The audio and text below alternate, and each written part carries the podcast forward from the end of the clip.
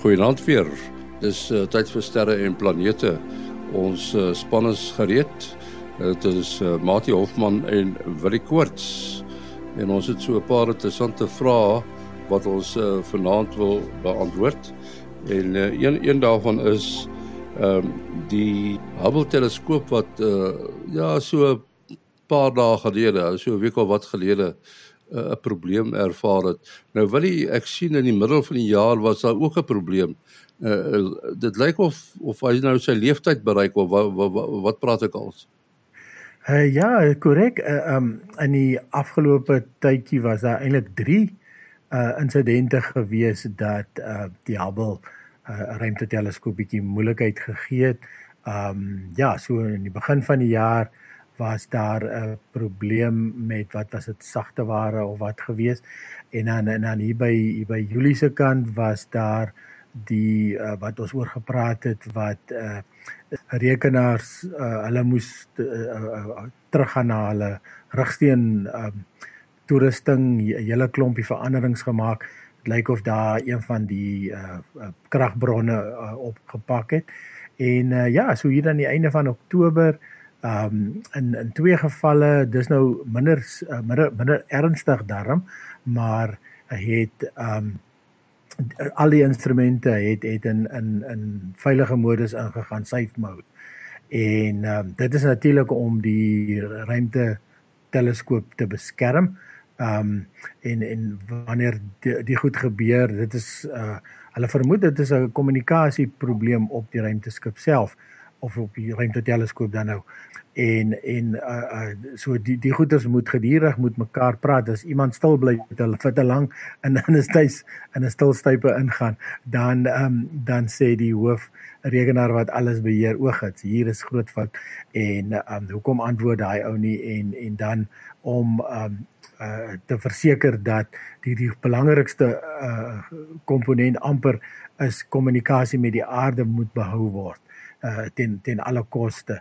Ehm um, want uh, sonder dit kan die rekenaar ag kan die teleskoop uit beheer uitraak. Uh so jy wil nooit hê dat ehm um, dat daar nie gekommunikeer kan word met die met die beheer uh, uh stelsels op aarde en uh so intussen het hulle die een kamera die advanced camera for surveys dis een van die hoofkameras um het hulle teruggekry en en ehm um, hy's terug op lyn en maar al die ander instrumente is is nou nog uh dis nou so 'n paar dae gelede was hulle nog almal in sogenaamde safe mode. Ehm um, en dit lyk nie of hulle op hierdie stadium al kon uitwerk presies wat het fout gegaan nie. Uh so soos jy sê, die ou 30 jaar, 31 jaar oue teleskoop uh wat nou al 'n paar keer gediens is, en ehm um, die laaste diens was natuurlik 'n uh, 'n klompie jare gelede uh, toe die uh pendeltye nog gevlieg het so op die stadium is dit heeltemal buite die kwessie en dit was ook so beplan uh dat daar nie weer 'n diens gaan plaasvind nie. Um eintlik die teleskoop is al eintlik verby die verwagte werktyd uh sedert die vorige diens. So hierdie is alles geleende tyd maar hulle is nog steeds hoopvol dat uh, dat hulle weer die teleskoop in volle werking gaan kry binnekort. So uh, ja, ons ons kyk maar uit. Ehm um, dit is 'n werkesel wat vir baie baie uh, ontdekkings al gesorg het. So jy gaan hom definitief so lank as moontlik aan die gang kry en veral ook voordat die James Webb ehm um, gelanseer is, sal dit lekker wees as jy al 'n oorvleueling kan hê tussen die twee en en totdat hulle hulle aandag op al, alles op die James Webb uh, sal vestig. Nou een van die uh, interessante teleskope terwyl ons oor ruimteteleskope praat, uh, Mati is die Chandra Extra teleskoop. Nou nou sien ek uh, dat hy aanduidings gekry het van 'n moontlike planeet in 'n ander sterrestelsel. Is dit moontlik? Uh, mense het nou al geleer om nie sommer te sê dit gaan onmoontlik wees om 'n bepaalde tipe ding baie ver van ons af te ontdek nie bloot omdat ons al uh, op ons uh, mond geval het omdat ons in die verlede gesê het dit gaan nooit moontlik wees om planete om ander sterre te te ontdek nie. Uh, ons kan nou maar so 30 jaar terug gaan. Uh, maar in die afgelope net meer as 'n uh, kwart eeu is daar reeds etlike duisend uh ander eksoplanete, met ander woorde planete buite ons sonnestelsel, maar in ons eie Melkweg sterrestelsel ontdek. Die tegnieke het bloot net ontwikkel en daarmee saam die vindingrykheid van die van die sterrekundiges en ons het nou al 'n paar keer op die program gesels oor die sogenaamde transit metode wat uh, nou relevant is vir die ontdekking wat die Chandra gemaak het. Nou die uh, Chandra is 'n ontdekking uh, is nou uh, te onderskei van die paar duisend eksoplanete wat uh, reeds ontdek is uh deurdat dit nou is in 'n ander stelsel, sterrestelsel en nie binne ons eie nie. En dan praat jy nou van uh van 'n voorwerp wat nou in die orde van miljoene lig ligjare weg is in plaas van uh uh etlike duisend ligjare weg is. So 'n faktor 1000 maal uh verder. Nou as dit so moeilik was in ons eie sterrestelsel, hoe sal dit moontlik wees dan nou in 'n ander sterrestelsel? Dis nou die vraag wat 'n mens sou vra en dan vir jou baie skepties oor die moontlikheid sou sou instem. Uh nou nog 'n onderskeid is die ontdekkings in ons eie uh sterrestelsel is nou deur met 'n paar verskillende metodes gedoen, maar uh grootliks in uh uh in sigbare lig en ook in 'n mate in infrarooi lig. Uh, en nou net om een van die metodes net weer baie kortliks uh, te verduidelik, die transit metode uh, ontdek 'n uh, planeet wat om 'n ster wentel. Mens kan nie die planeet uh, ons mens kan hom baie selde sien en net met baie baie groot teleskope as jy reeds weet hy is waarskynlik daar dan kan jy hom gaan soek in infrarooi lig met spesiale tegnieke. Andersins kan jy sy effek sien uh wanneer hy uh byvoorbeeld dat direk in die siglyn tussen ons en die uh ster inbeweeg en dan 'n klein bietjie van daardie ster se lig uh verduister. En dan kry mens nou 'n dip in die ligkromme van die helderheid teenoor tyd van daardie van daardie uh ster. En jy kan aflei. Wel een van die redes uh wat dit kan veroorsaak is dat dit 'n uh, planeet is wat voor hom in beweeg en as jy daardie dip dan periode sien met uh, byvoorbeeld elke 4 maande, dan kan jy uh, redelik sekere aflei dis 'n eksoplaneet, 'n tydperk van sê nou maar 4 maande in die geval vat om om daardie ster te wentel. Uh so die die uh reël om so 'n planeet uh te dan uh te ontdek met transit metodes dat ten minste 3 keer die transit waargeneem moet word en dan moet hulle dit ook met 'n ander metode vanaf die aarde uh waarneem met die Doppler metode wat mens kan optel dat die planeet die sterre bietjie rondwikkel en dit kan in die verandering van die uh van die ster se kleurspektrum uh gesien word die sogenaamde uh, Doppler uh, metode. Nou wat die Chandra uh, ontdekking moontlik gemaak het is waarnemings van 'n sterrestelsel M1 in 'n sterrestelsel M51 ongeveer 28 miljoen ligjare weg en die Chandra is nou 'n ruimteteleskoop wat spesifiek in die X-straalgebied uh van die elektromagnetiese spektrum waarneem. Dit is baie energieke straling en X-strale word deur 'n verskeidenheid van prosesse in die uh ehm um, heelal uitgestraal, maar in hierdie bepaalde geval het mense kompakte binêre stelsel uh waar jy nou iets soos 'n neutronster het en 'n groter rooi dwerg en hulle wentel om mekaar en die uh kompakte neutronster alhoewel hy baie klein en kompak is in vergelyking met sy uh rooi reusmaat het hy 'n groter massa en hy suig dan in materiaal vanaf daardie uh rooi reus wat dan uh in spiraal by wyse van 'n akkresieskyf uh en dan spiraal dit saam met magneetvelde in om by die pole met die ster se oppervlak te bots en dit veroorsaak baie hoë temperature wat dan ekstrale uitstraal. Nou so 'n kol kan in 'n orde van sê nou maar so groot soos die Wes-Kaap wees, weet 'n provinsie in Suid-Afrika. Uh so dis 'n redelike kompakte uh bron van ekstrale. Uh ek weet een van die wil jy sal onthou een van die eerste die groot projekte van die SAL teleskoop was die studie van so 'n stelsel wat hulle baie akkuraat kon waarneem hoe daardie proses verloop en om hoe om daardie warm kolle te uh, waar te neem. So ons weet daai goed bestaan regtig al kan mens dit nie so direk sien nie. Jy kan dit uit die ligkromme uit uh, aflei. Nou in hierdie geval al wat moet gebeur as daardie uh, binêre stelsel 'n planeet het wat dan voor daardie warmkolk verby beweeg, dan kan dit nou net soos die transit metode uh kan dit dan die ekstrale bietjie uh afskerm en jy kan 'n dip in die ekstrale sien. So dit is net soos 'n uh, transit metode behalwe hulle dan in ekstrale gedoen word. Nou die eerste kandidaat vir so 'n planeet in so 'n stelsel is dan nou waargeneem. Uh ek dink dit is 'n baie vindingryke stukkie werk, maar daar's nou een probleem. Uh jy moet dit 3 keer waarneem voor dit nou as 'n uh, uh, eksoplaneet bo redelike twyfel beskou sou kan word. Uh in hierdie geval bereken hulle dat hulle 70 jaar sal moet wag om dit weer waar te neem. Uh so hierdie bepaalde tegniek of metode is nog in sy kinderskoene, maar verseker gaan uh dit vinnig ontwikkel en uh kom ons kyk waar staan ons oor 5 jaar met die ontdekking van eksoplanete en ander sterrestelsels. En die rede hoekom dit so belangrik is, ehm um, 'n mens wil graag 'n aanduiding hê hoe tipies is ons omgewing in die heelal. En in ons eie sterrestelsel sou ons kan vra hoe tipies is ons sonnestelsel teenoor ander sonnestelsels in ons Melkweg. Uh nou begin ons al reeds goeie statistieke kry omdat daar nou 'n paar ander uh honderde ander sonnestelsels ontdek is en ons weet reeds ons sonnestelsel is nie baie tipies nie. Maar die volgende vraag is dan nou maar hoe tipies is ons Melkweg en die sonnestelsels wat aan hom voorkom teen ander sterrestelsels. Nou daardie werk het nou pas met een tentatiewe ontdekking ge, uh, begin en dit sal seker 'n uh, dekade of twee dekades vind voor daar enigsins op 'n statisties beduidende manier daaroor uh, gepraat kan word. Nuwe teleskope, mens dink nou aan James Webb. Uh mens weet nie wat uit uh, die navorsing wat James Webb gaan doen uh gaan spring nie. Dit dis ook 'n ekstra teleskoop of is dit die infrarooi?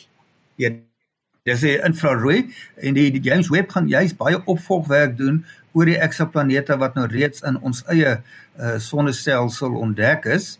Uh omdat hy nou uh, dan spesifiek aan die infrarooi kyk, gaan hy baie goeie inligting kan bekom vir 'n uh, subversameling van daardie eksoplanete met betrekking tot watter elemente daar is en uh en veral uh uit watter elemente bestaan die atmosfere van daardie eksoplanete.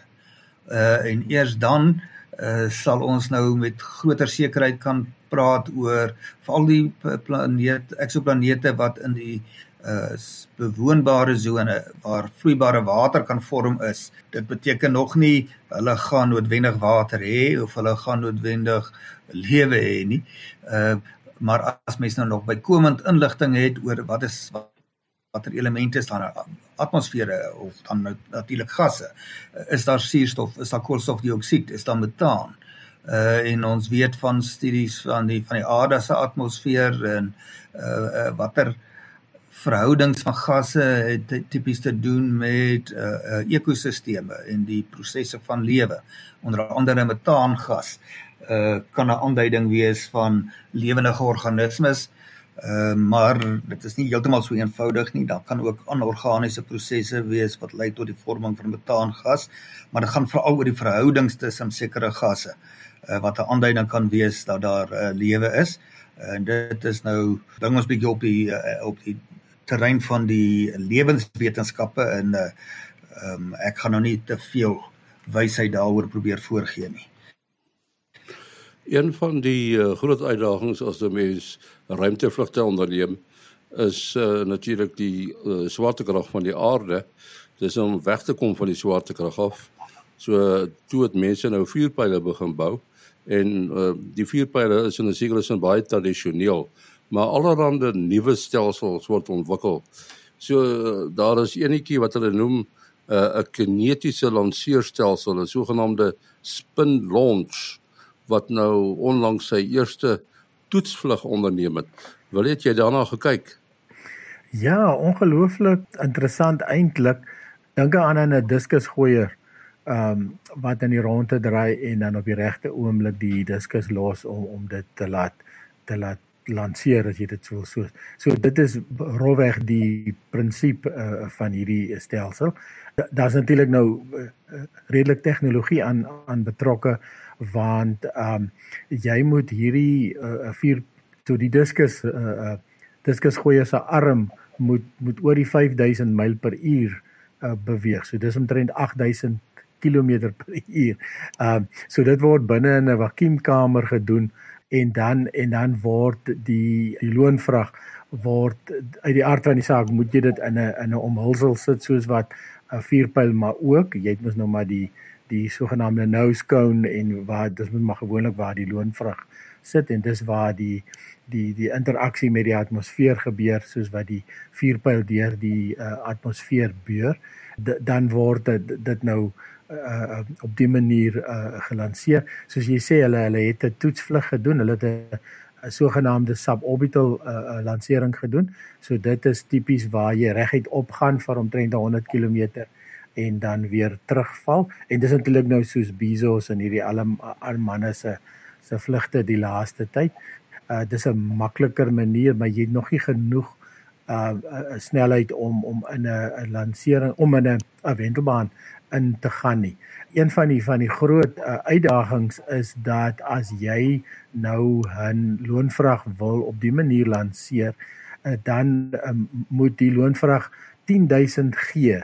So uh, ons praat mos van van uh, as jy um, as jy moet met 'n kar sê vinnig wegtrek dan word jy nie in die sitplekke ingestoot. In die penaltyg destyds ehm um, dink ek het die mense so by 4 4 na 5 gees toe uh, uh, um, beleef en 'n uh, 'n uh, 'n goeie vegvlieënier met hierdie pakke wat uh, wat hulle opblaas sodat jou bloed die probleem is die bloed dreineer uit jou dry uit jou brein uit en dan en dan val jy flou of jy jy jy verloor jou bewussyn. Um hulle kan tot by 7 8 gees rond. Ek dink van hulle kan selfs meer uh, oorleef as jy die regte toerusting aan het. En natuurlik dit dit uh, geld ook vir 'n uh, uh, uh, satelliete wat jy lanseer. Satelliete kan uit die aard van die saak baie hoër gees uh, hanteer. Ehm um, maar 10000 gees is nogal is nogal is nogal iets want die ding word ongelooflik geswaai voordat voordat dit uiteindelik gelanseer word. Ja, so uit die aard van die saak is dit 'n baie skoon manier om te lanseer want jy het nou nie vuurpyle en gasse en en goeders nie. Uit die aard maar dit werk natuurlik wel met elektrisiteit. So dan ook dit nou af as jy nou 'n harde kloof hoe jy jou elektrisiteit opgewek. Maar daar's natuurlik baie skoon maniere om dit op te wek. Uh deesdae.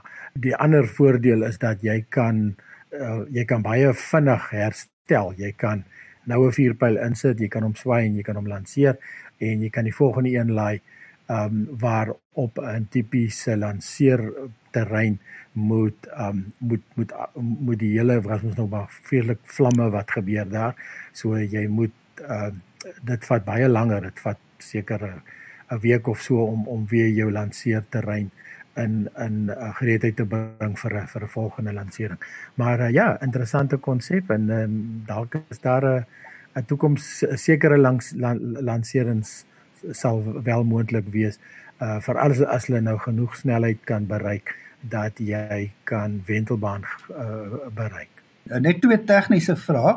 Uh die massa wat hulle nou so met die toetslansering tot op daai hoogte gekry het en tweedens met watse uh, revolusies of wentelinge per minuut het dit ooreengestem om hom nou so hoog te kon slinger want dit is 'n enorme klomp energie wat in daai rotasie gestoor is wat 'n baie plofbare situasie skep as iets sou verkeerd gaan. Ja, dit is beslis so. Ja, so ek sien hulle hulle praat van 440 pond. Um, satelliete wat hulle kan lanseer. So wat is dit in kilogram? So 300 200 nee, 200 200 kg. Ja, dit is nogal noemenswaardig, ja. Ja. En die revolusies en, die revolusies het ek nou nogal nie opgetel nie. Die ding, die ding is iets so 46 meter in deursnee hierdie arm wat geswaai ja. word. En ehm um, 50 meter uit uh, 'n soort van amper soos 'n koorsteen wat hy waar die ehm um, waar jy by die projektiel inkom maar uh, ja ek het ongelukkig nie die uh, revolusies nie, maar dit moet dit moet geweldig wees om om uh, I mean om die daai want hulle praat nou net van die lineêre spoed van 500 myl per uur, ja.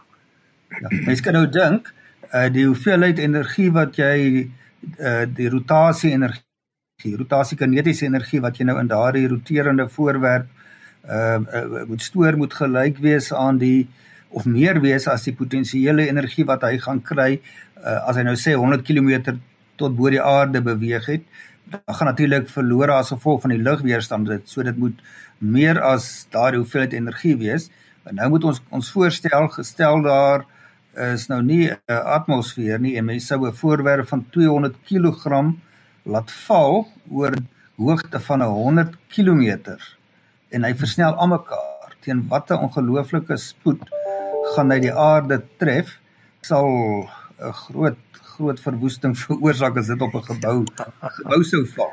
Eh, wat opgaan kom normaalweg af, behalwe as jy hom in 'n in 'n baan gegooi kry of uh of totaal van die aarde af weggegooi kry.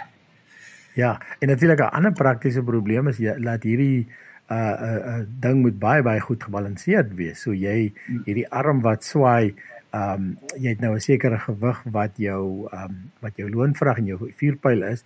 Ehm um, en dan moet jy 'n teengewig aan die agterkant hê anders te gaan hierdie stelsel ehm um, ek het nou ek het nou die vorige seisoen van Robot Wars of wat wat noem hulle dit deesdae gekyk en van hierdie goede tot mos hierdie arms wat so swaai en as 'n stuk afbreek dan spring daai arme robot die hele vloer vol. So jy uh, dink nou net as daar nou iets verkeerd gaan terwyl hy ding geswaai word. ja, wat ook interessant is is dis nou nie nodig om uh, om brandstof of soveel brandstof te neem nie want is dit nie een van die probleme nie dat 'n uh, 'n groot deel van 'n vuurpyl uh se lanceer uh aksie is uh die brandstof wat hy gebruik. Ja, definitief. Dit is dit is soos in in die 80 of 90% van die massa is net is net brandstof. So hierso vat jy amper net jou loonvrag, die puntjie bo aan die aan die vuurpyl wat hier wat hier geswaai en en dan gelanseer word. Ehm um, uit die hart van die saak kan jy natuurlik 'n bietjie brandstof bysit sodat uh, as jy uh, in 'n in 'n vinniger baan wil gaan want uiteindelik moet jy 28600 km/h bereik om in 'n in 'n wentelbaan te gaan en en dit is dis 'n geweldige snelheid. Hier is 'n brief van Petrus de Beer bietjie lank gelede daarna gekyk en die, hy hy vra 'n vraag oor uh, die sogenaamde voorlopige planeet Tyche. Uh, is daar so iets, Mati? Uh Tyche is 'n hipotetiese gasreus uh in die Oortwolk. Nou die Oortwolk is op amper is 'n 'n hipotetiese uh wolk van materiaal wat hulle sê die komete vandaan kom. Uh so dis op 'n afstand van tot 'n ligjaar van ons af uh amper 'n kwart van die afstand na die naaste ster toe, maar omdat dit so ver is en die voorwerpe daar baie klein is, is dit nog nie direk waargeneem nie. En uh die bestaan van uh Tyche is reeds voorgestel in 1999 uh deur uh, John Baptiste en Patrick Whitman en Daniel Whitmire van die Universiteit van Louisiana uh Lafayette hulle het nou verskillende uh, redes of uh, een spesifieke rede hoekom hulle dink daar bestaan so iets en dit gaan oor uh die wyse wat die lang periode komete beweeg. En as die komete nou oorspronklik uit die oortwolk hulle hulle oorsprong het, uh dan het dit natuurlik 'n bepaalde die manier hoe hulle inval na die son toe sal bepaal word deur enige noemenswaardige aantrekkingskrag in die omgewing van waar af hulle kom. Nou ek is nie presies seker hoe hulle nou dit daai uit aflei nie, maar dit is min of meer die die argument dat uh, daar's aanduidings uit die bane van hierdie lang periode komete uh dat daar so 'n uh, planeet moet bestaan maar op die stadium bly dit nog hipoteties en daar's ook ouens wat aandui dat hulle dink nie so 'n planeet bestaan regtig nie. Ja, kyk, hulle het ook gaan kyk na die ehm um, argiefdata want dit is altyd lekker as jy nou as jy nou so iets hipotese daar stel, uh moet jy uit die aard van die saak data gaan inwin om te kyk of of daar of dit wel moontlik is, maar die ar, die argiefdata van ehm um, van die die WISE teleskoop ehm um, en daar's nog 'n uh, nog 'n survey gewees uh wat uh, kon hulle toe nou teruggaan en gaan kyk of daar of hulle dit wel want dit dit sou dan sigbaar gewees het in daai data. En dit is toe uit die aard van die saak nou uh, nie, nie bewys dat dit dat dit wel nie nie kon gewees het nie. Ja, interessant die naam uh in die Griekse mitologie is Tyche die die die gode, die die godin van voorspoed en en sy het 'n suster Nemesis en Nemesis word uh op 'n kol uh, was op 'n kol geassosieer met die son uh dat die son 'n tweeling het um en en dit sal dan um komete aantrek uh, na die aarde toe wat dan nou uh, veroorsaak dat dat uh, dat ons massa uitwissings op die aarde het. So uh, dit is seker hoekom hulle ook hierdie naam Taiki gekies het. Uh want is altyd in die in die Griekse mitologie is daar altyd stories wat hierdie goed in verband sit. Ons moet afsluit. Wil jy wat is jou besonderhede? Uh ja, mense kan uh, WhatsApp of bel of SMS 072 4579208. 0724579208. En Almati? Selfoonnommer 0836257154. 0836257154. En dan die program se e-posadres sterreplanete@gmail.com. sterreplanete@gmail.com. Ons groet tot volgende week. Alles van die beste.